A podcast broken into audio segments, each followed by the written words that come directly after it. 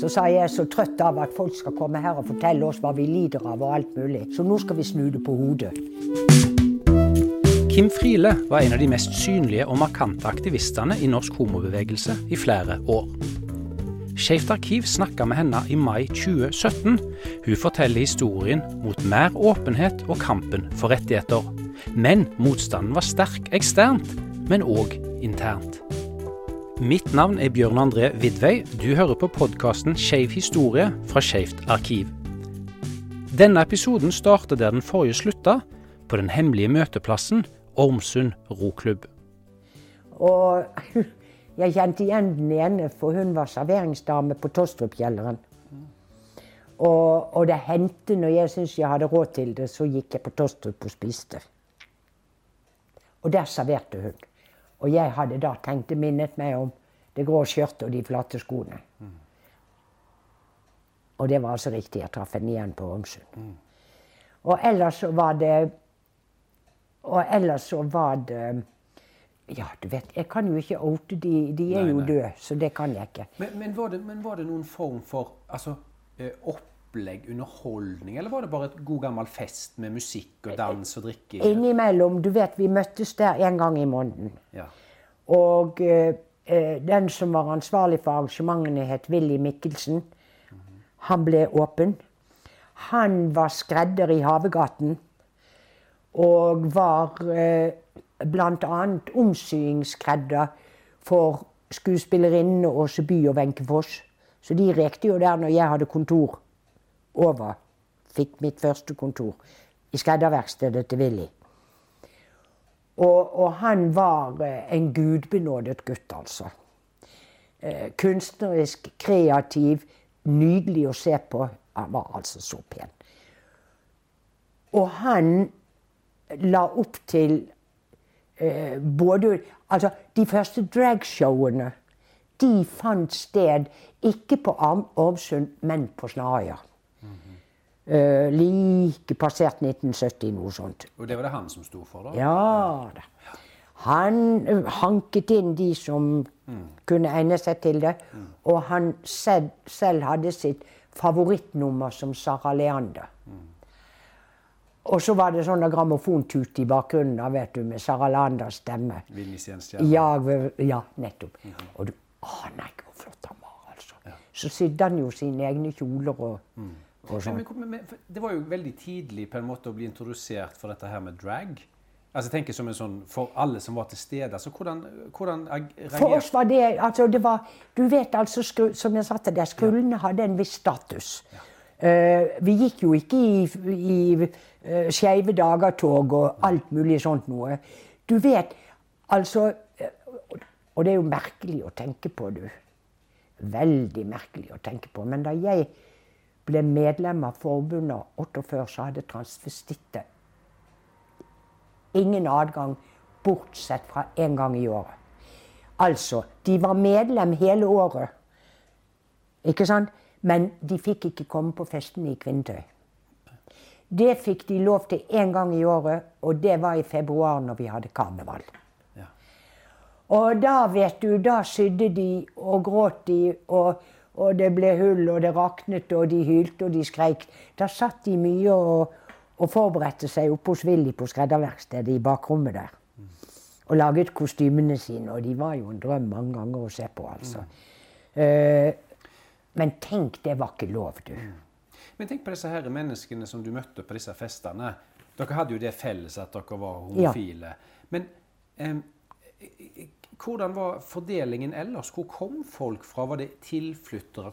Det var innflyttere til Oslo. Ja. Altså det var, det var, eh, Hva skal vi si? Det var innfødte, ja. og så var det alle oss andre. Ja. Var det fra alle, alle klasser av samfunnet? Ja. Det, ja. det var det. Ble, ble, de, ble de, forskjellene viska ut når man møttes? Helt ut. Helt ut. Uh, det eneste korrigeringen som foregikk, det var hvis en nordlending snakket for fort eller en bergenser snakket på inn- og utpust og overdøvet alle andre. Da, ikke sant? Noe annet forekom ikke, altså. Og heller ikke Det var alle yrker. Det var eh, Det var eh, eh, Det var, det var hjelpepleiere, det var ansatte i Postverket, det var medlemmer av, av pinsemenigheten, det var medlemmer av kirka, det var uh, folk ansatt på Nationaltheatret. Det var, det var absolutt veldig spredning av hva du drev. Men ingen turte å si hvor de jobbet. Men brukte man òg måte et pseudonym overfor hverandre? Ja, det ble fornavn. Ja. Ja. Pseudonymet var jo de som opptrådte på forbundets vegne. De het Olav Hansen når de skrev under. Ja, Som leietakere og sånt? Eller, Ja, på- på- eller, eller, eller øh, man skulle skrive f.eks. For, for å få leie Snarøya. Ja. Da het jo organisasjonen By og Bygd. Og, og, og formannen skrev under med Olav Hansen. Mm. Uh, og det gjorde vel sekretæren også, vel. Hvis det var sekretæren Mm. som uh, formidlet av det brevet. Men når man da endte opp på Snarøya, var det fordi at altså, Da fikk man ikke forlenga kontrakt med Ormsund? Nei, eller? du vet, det var jo en roklubb. Ja, og, og, og jeg satt ikke i styret på det tidspunkt. Jeg vet ikke hvorfor, men det var ingen skandale. Det var rett og slett en normal leiekontrakt til organisasjonen By og Bygd, Ja. som dessverre ikke kunne bli fornyet. Uh, og du vet at uh, rosesongen der ute var jo ganske lang. Uh, og det betød at vi kunne ikke gå til ut i oktober uten å samle medlemmene. Ikke sant? Det, det, det var det eneste fristedet og sånn de hadde. Men der ble arrangert skirenn om vinteren, arrangerte Willy og disse gutta. Festlig, forresten. Det burde ligge i arkivet i det der gamle tidsskriftet Ås. Om skirennet. Og da drog vi jo langt Hornvoll ut i Heggedal, eller hvor det var. Og da var det sånn kostymeskirenn òg. Nei, vi hadde jo mye moro. Og det var, eh, det var eh, loppemarked hvor det var eh, tegnet opp da i det rommet, eller i den avdelingen skulle være det, og i den avdelingen det. Du vet, vi hadde jo ingen statsstøtte. Vi hadde jo overhodet ingenting. Vi hadde ikke noen allierte heller. Vi var helt avhengige av oss selv økonomisk. Og det var jo ikke snakk, det var jo ikke sponsing, vet du, på slutten av 60-tallet og gjennom hele 70-tallet. var jo ingen sponsing. Altså, Bergens Tidende skrev et brev, som også ligger i arkivet, for jeg ba om å få inn en annonse. Og det var etter avkriminaliseringen. Uh, og det hadde antagelig Bergens Tidende ikke fulgt ordentlig med på.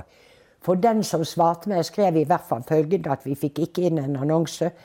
Uh, vi hvordan, jo, vi, må, vi må beskytte våre lesere mot uheldig påvirkning. Ja. Hva sto det, hva i annonsen, da?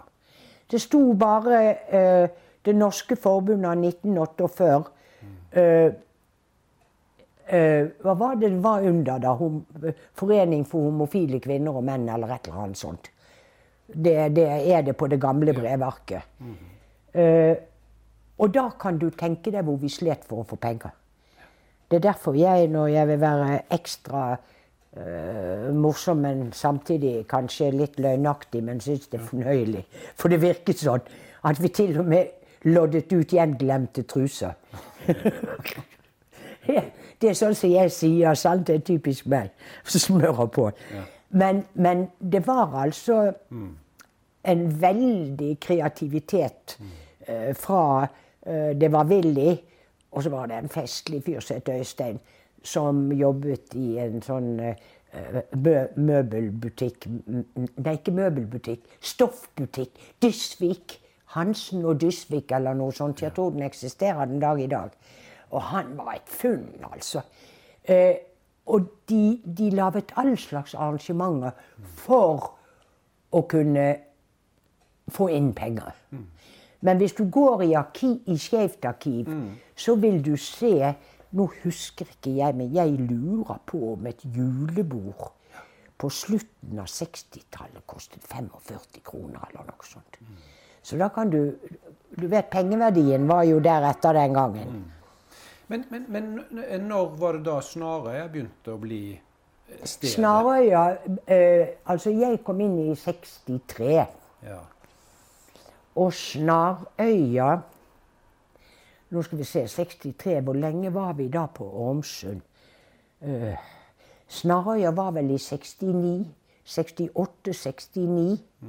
Ja, det tror jeg det var. Men, men, var det da noen forandring på hvordan man fikk komme inn, eller måtte man fremdeles bli anbefalt? Du måtte noen? fremdeles bli anbefalt. Ja, ok.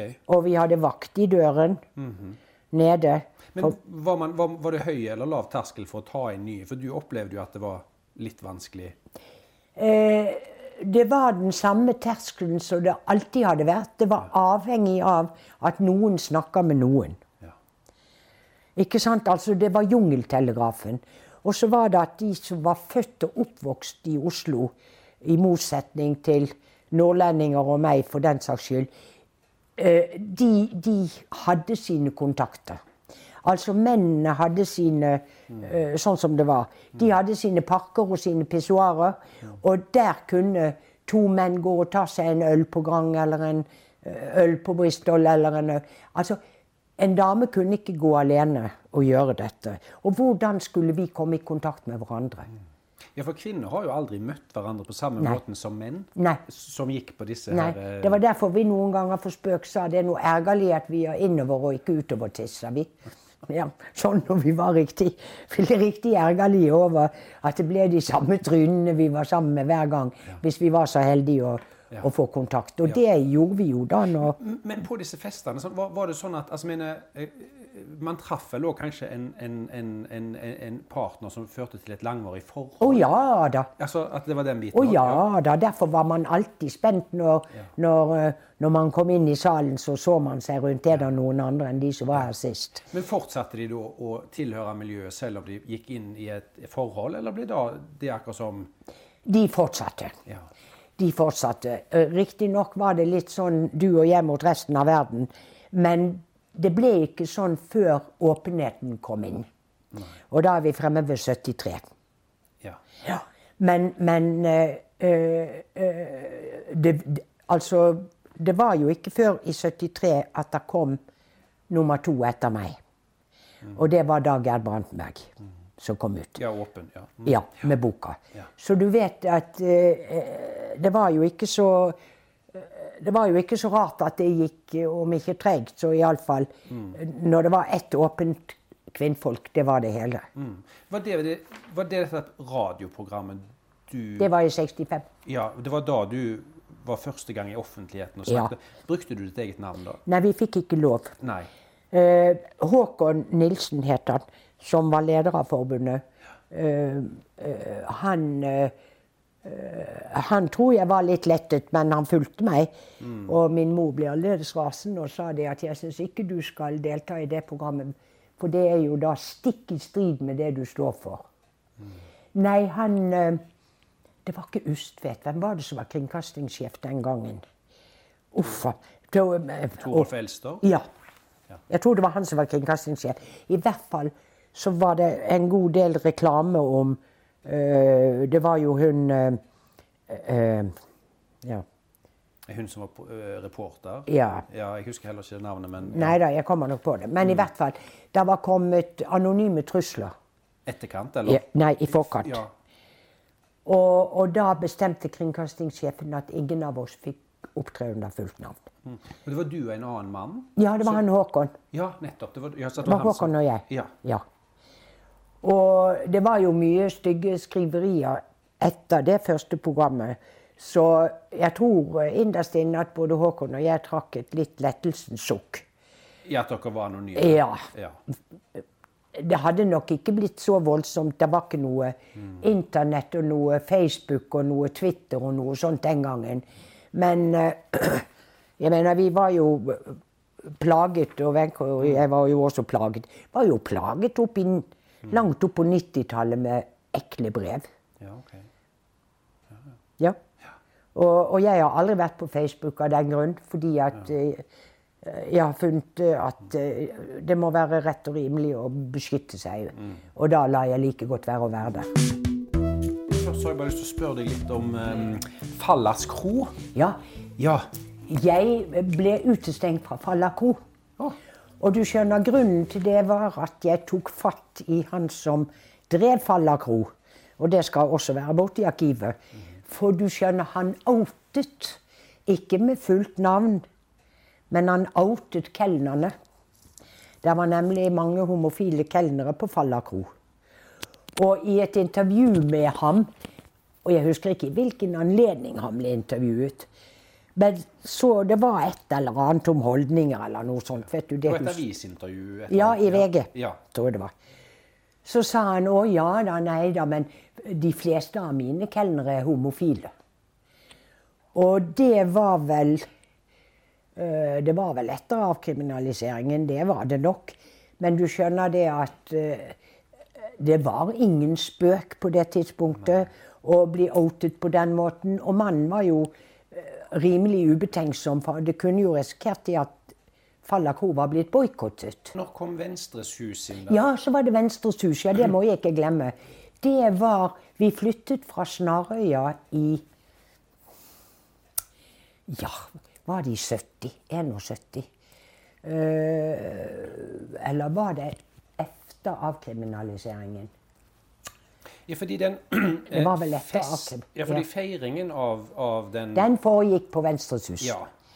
Og det betyr at vi leide Venstres hus før avkriminaliseringen. Nettopp. Og da har jeg rett når jeg sier at det skjedde vel Det var hun Stray som var leder av Venstre den gangen, eller iallfall i styret for Venstres hus.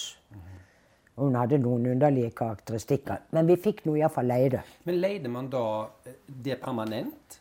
Man leier til permanent, ja. Eh, For jeg husker jeg hadde vakttjeneste hver onsdag og skulle orientere nye som kom. Eh, Og da hadde vi storsalen. Det var det vi hadde. På Venstres hus? på Venstres hus. Og så var det en, en liten sånn forkafé. Og der pleide vi å samle de som kom for første gang. Og så fikk de en kvikk orientering og litt informasjonsmateriell og litt sånt. Men når skjedde den endringen at man gikk fra å måtte ha anbefaling og banke på døren, til den litt mer åpne? Altså, Var det mer... Det var nok etter jeg overtok som leder. Ja. Og, og, da, og da var det tilfellet òg på Snarøya, på slutten der? Ja. At man liksom kunne komme lettere inn? Uten Eller Ja, jeg tror ikke vi, vi, vi men, men du skjønner, de var veldig Hun Vigdis Bunkholt Hun er jo søt, jeg kjenner jo henne godt. Eh, Men, men hun har jo innrømmet Hun innrømmet i Løvetann, tidsskriftet Løvetann, at hun ble så skremt av min åpenhet at hun, hun forsvant ut av en organisasjon hun hadde gjort innsats i siden ja, 1953-54. Så skremt ble hun. Så din åpenhet på en måte Ja. Satte de andre sist Ja, Ja. De, de ble skremt. Altså, skjultheten ga en viss trygghet. Ikke sant? Og hemmelig, hemmeligheten ga en viss trygghet. Mens der var jo jeg rabulist, vet du. Så sa jeg så trøtt av at folk skal komme her og fortelle oss hva vi lider av og alt mulig. Så nå skal vi snu det på hodet. Nå skal vi invitere folk, og så skal vi fortelle. Og så skal de få kunnskaper. Og det var det mange som ble skremt av, altså. Men jeg, jeg leste i boken til Gudmund Vindland, Ja. Villskudd, så skriver han jo om, om Venstres hus. Ja. Eh, og han skriver blant annet Hans første møte der tror jeg var en, eh, hvis jeg ikke tar helt feil, en 1. mai-frokost. Jaha. eh, Som han snakket om han var der. Og da var det veldig sånn politisk lada og mye. Men hva, hva, hvordan var det? Var det altså Det var langt på 70-tallet. Ja, OK. Det, det var i den såkalte AKP-ML-perioden. Og, og den begynte vel i Nå skal vi se, når begynte den? Eh, I 73 begynte de første store folkemengdene å komme til forbundet 48. Det var etter avkriminaliseringen, og i 73 etter det første fjernsynsprogrammet. Da plutselig skjedde det noe. Da kom de, alle disse med palestinaskjerf og alt som kunne krype og gå. Veldig, veldig hyggelig flokk. Helt til vi oppdaget at politisk var det kanskje ikke så hyggelig. Men var de homser og lesber, de òg, eller var de bare sympatiske for saken? Ja, det der skal man vokte seg vel for. For det er klart at det var infiltraktører der. Ingen tvil om han. Men de som ble værende og sånn, de var arbeidsomme, de var blide, de var De hadde bare forskrudd homopolitikk. Så den fighten måtte vi jo ta. Og det må være på det tidspunktet da eh, Gudmund Vindland Men jeg kan ikke huske at vi arrangerte noe. Det tror jeg ikke noe på. Nei. At vi arrangerte noe 1. mai-frokost i Venstres hus. Det kan jeg. Men vi var privat. Jeg havnet i et uh, AKP-ML-reir oppe på Majorstua og skjønte ikke hvor jeg hadde havnet, før det var en som reiste seg og skålte for Emil Hoxha i Albania. Da tenkte jeg hvor i all verden er det du har havnet? Så politisk uh, tussete var jeg.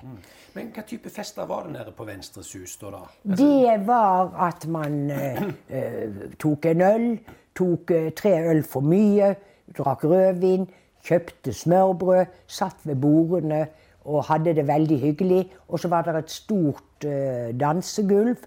Og vi hadde jo ikke noe orkester, så vi hadde datidens grammatut. Eh, Det var jo ikke sveivegrammofon, men det var noe sånne med longplaying-plater og den der type ting oppe på scenen.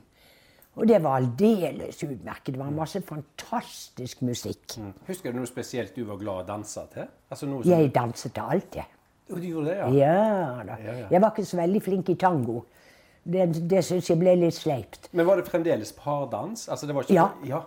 Men, men selvfølgelig på karnevalen og Nei, jeg husker på Var det julebord, eller hva var det, hvor, hvor, eh, hvor vi gikk polynese? Det gjorde vi faktisk i mange år. Og så endte vi opp sånn fire og fire, vet du. Det var flott, og vi hadde sidekjoler, og det var Ja, vi var veldig veldresset og pene. Ja. Det var man. Men da Venstres hus begynte å bli sånn Jeg husker det var et eller annet som foregikk om torsdagen òg. Men det var vel bare hver 14. dag vi hadde med dans og alt sånt. Men så gikk vi på kafeen i Venstres hus. Eh, til daglig, innom etter jobb eller Ja. Så det, det ble som et eh, ja, et hjem for oss, kan du si. Og så sa du òg at dere hadde et lite opplegg for å ta imot nye Ja. som kom der. Det hadde vi. Ja. Og det var, det var Jeg skjønner, i dag, vet du, i min alder tenker jeg Gud, at du orket, altså. Det var, hvis jeg ikke husker feil, så var det hver onsdag. Ja. Og da eh, tok vi imot nye. Så vi hadde fremdeles de der eh, innmeldingsskjemaene. Men vi, du kunne, nå var det mer åpent, vet du. Jeg var jo åpen da vi skrev i avisen og alt. Så nå var det å skrive brev, og så var det å si ja da, vi skal med, så bare kom. Ikke sant? Men de måtte fylle ut. Og da fikk de vite om dette via annonser som sto i Ja, ja, aviser ja. og ja. Ikke sant? Og så, eh, så hadde vi jo hatt radioprogrammet, og i 73 hadde vi dette fjernsynsprogrammet med de to guttene som levet sammen. Ja, de som ja, Ja. sto og danste der og Ja. var hjemme hos svigermor. Ja, ja, nettopp. Ja. Og, og, da kom det stadig flere. Ja. Men hvordan var det i forhold til altså Kom det mange utenbys fra som var på Oslo-tur? Ja. Eller øh, for Men det skjedde lenge før. ja. Du skjønner det at Havegaten, hvor Willy Mikkelsen hadde sitt store skredderverksted, og så hadde han privat leilighet ovenpå Det skulle rives, for der skulle det nye ligningskontoret kommet. Og det står der den dag i dag. En svær bygning. Og det betyr at den gamle Det så ut som en sånn gammel Vålerengen-hus, vet du. Eh, Det skulle rives og var kondemnert, så det skulle rives. Og da ble vi Oslos Ja, vi ble faktisk Oslos første husokkupanter.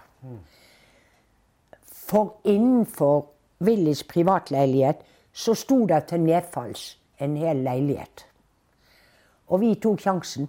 Sendte bud etter alle skruller. Noen kunne sy, og noen kunne bordere, og noen kunne bruke hammer og sag. Og så rev vi ned. Og så laget vi det til et treffsted. Det het Treff. Og Willy, vet du, han holdt jo på å gå konken, altså, og ikke tjene penger. Fordi vi rekte der hos han. Og jeg fikk et lite kontor innenfor privaten hans. Men når var dette, da? omtrent? Det var eh, Det må ha vært at treff uh, Ja, det har vært uh, Altså, der har du at jeg ikke har arkivet lenger. Ja, ja. Dessverre. Ja. Men rundt 71, rundt 70-71 Ja, så det var før Venstre og Metropol? Og, Ja, det var, det var veldig tidlig. Ja, ja. Og jeg skriver om det i Troll skal temmes, Ja, om ja. alle de der diskusjonene for å få vekk paragrafen. Mm. Den foregikk jo på kjøkkenet hos Willy Mikkelsen i Hagegata. Og det var der alle utenbys kom på Ja. besøk? Og Ja. da kom de, du Ja, fra Stavanger og alle. Det var én gang i måneden. Og de kalte vi jo for flyktninger, vet du. Seksuelle flyktninger. Da kom de, og vi, vi skjenket ikke ulovlig, men det var nok litt ulovlig. Vi hadde sånn der kaffe med whisky oppi. Aldri er det blitt drukket så mye kaffe, og aldri så For det, det gikk jo ikke. Nei. Ikke sant? Og så hadde vi ivrige vertinnehender som uh, sørget for både smørbrød med, med karbonade. Vi inntok Willys kjøkken vet du, og styrte og ståkte i vei. Så det var et trygt sted for mange. Eh, og så ble det Venstres hus.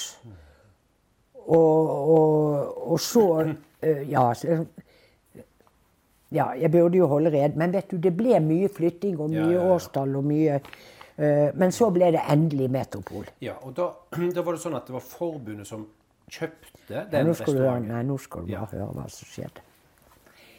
Vi fikk altså napp på Metropol. Men vi hadde jo ingen penger.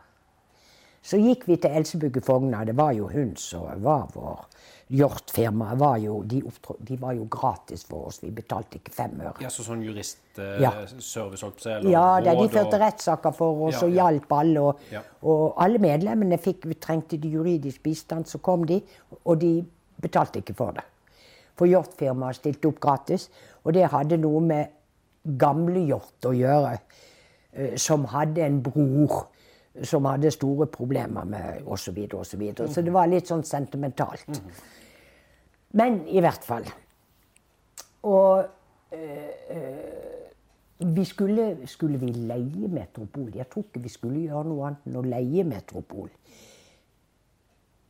Jo da, det skulle vi jo, for til slutt hadde vi holdt på å ryke over ende. Dette burde jo jeg vite, men det var andre som drev med det. Men nok av det. Ja, For det var jo en klubb der allerede? Altså, Nei da, det var en vanlig restaurant Vanlig for Oslo. Ja. Ja. Drevet av en kar som heter Becker. Ja. Hans sønn bor nedi her med sin kone, så vi snakker ofte sammen. Men han skulle ikke drive denne restauranten mer. Og ja, jeg tror vi skulle kjøpe den. Men det, men det har for så vidt ingen betydning. Det komiske skjedde i en annen anledning. Vi måtte nemlig stille garanti. Og kjære deg, ingen av oss hadde penger til å stille garanti. Så er det den berømte, superbe Hans Grøterud, som var formann i Oslo på den tiden. Oslo-regionen. Han foretok seg altså det. Han bodde eh, ja, på østkanten oppe i Hutiheiti et sted. Ikke på Jan som jeg bodde da, men et eller annet sted oppi der. Grefsen bodde han. I en sånn høyblokk. Og det var NSB sin leilighet.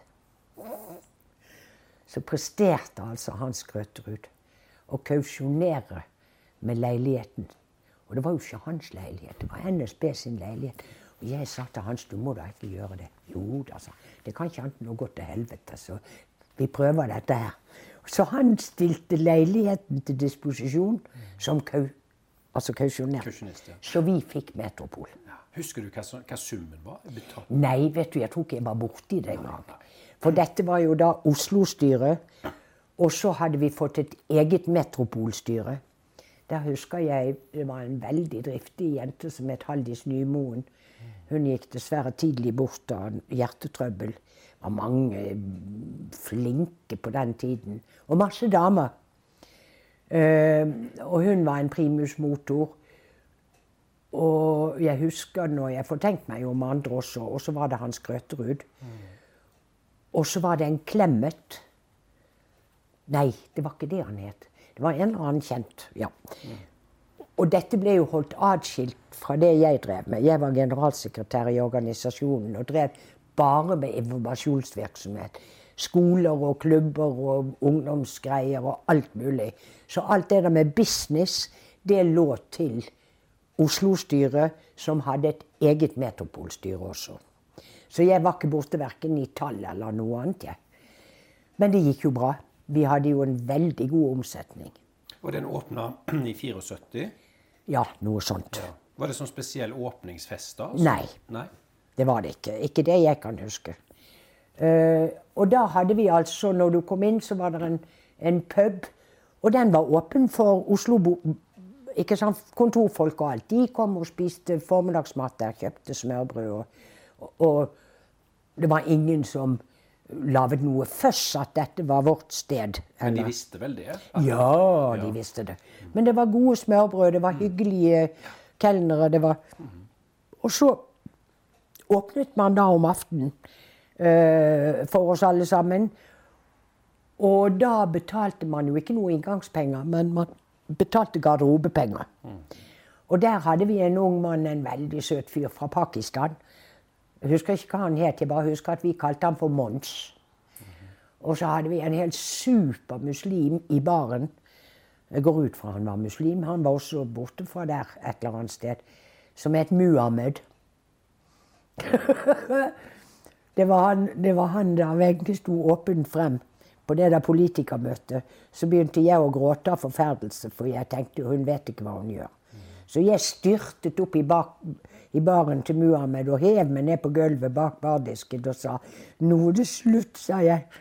Og så sier Muhammed til meg 'Hva du sier? Er det slutt? Er det slutt?' Han trodde det var slutt mellom Wenche og meg, så han ble Så sånn var språkproblemene. Uh, nei, men, var, han, var, han, var han åpen homofil? Nei, Nei da. Han, han var en, en, fyr som hadde søkt på jobben ja, ja. og fikk den. Strålende gutt. Det var veldig hyggelig alle som var ansatt i bransjen der. Og de var eh, bransjefolk. Så eh, Og om aftenen vet Jeg kalte jo Metropol til slutt for kjøtt- og fleskesentral, men det, det var jo det var jo for, ja, det var vel et forsøk på om jeg var morsom. Ja, men det ble, det ble, liksom fort et sånn kjekt det var sted? Jo et kjekk, det var jo ikke rart. Nei. Det var jo ikke rart, altså. Her hadde vi vært innelukket, både her og både der. Så fikk vi en konkurrent som het Boys Club. Den var jo drevet av andre aktører, da? Utenfor altså Det hadde ikke noe med forbundet å gjøre? Nei, hadde Nei. ingenting. Nei. Men da husker jeg at vi, vi, vi, eh, Jeg var veldig for at vi skulle komme oss inn overalt.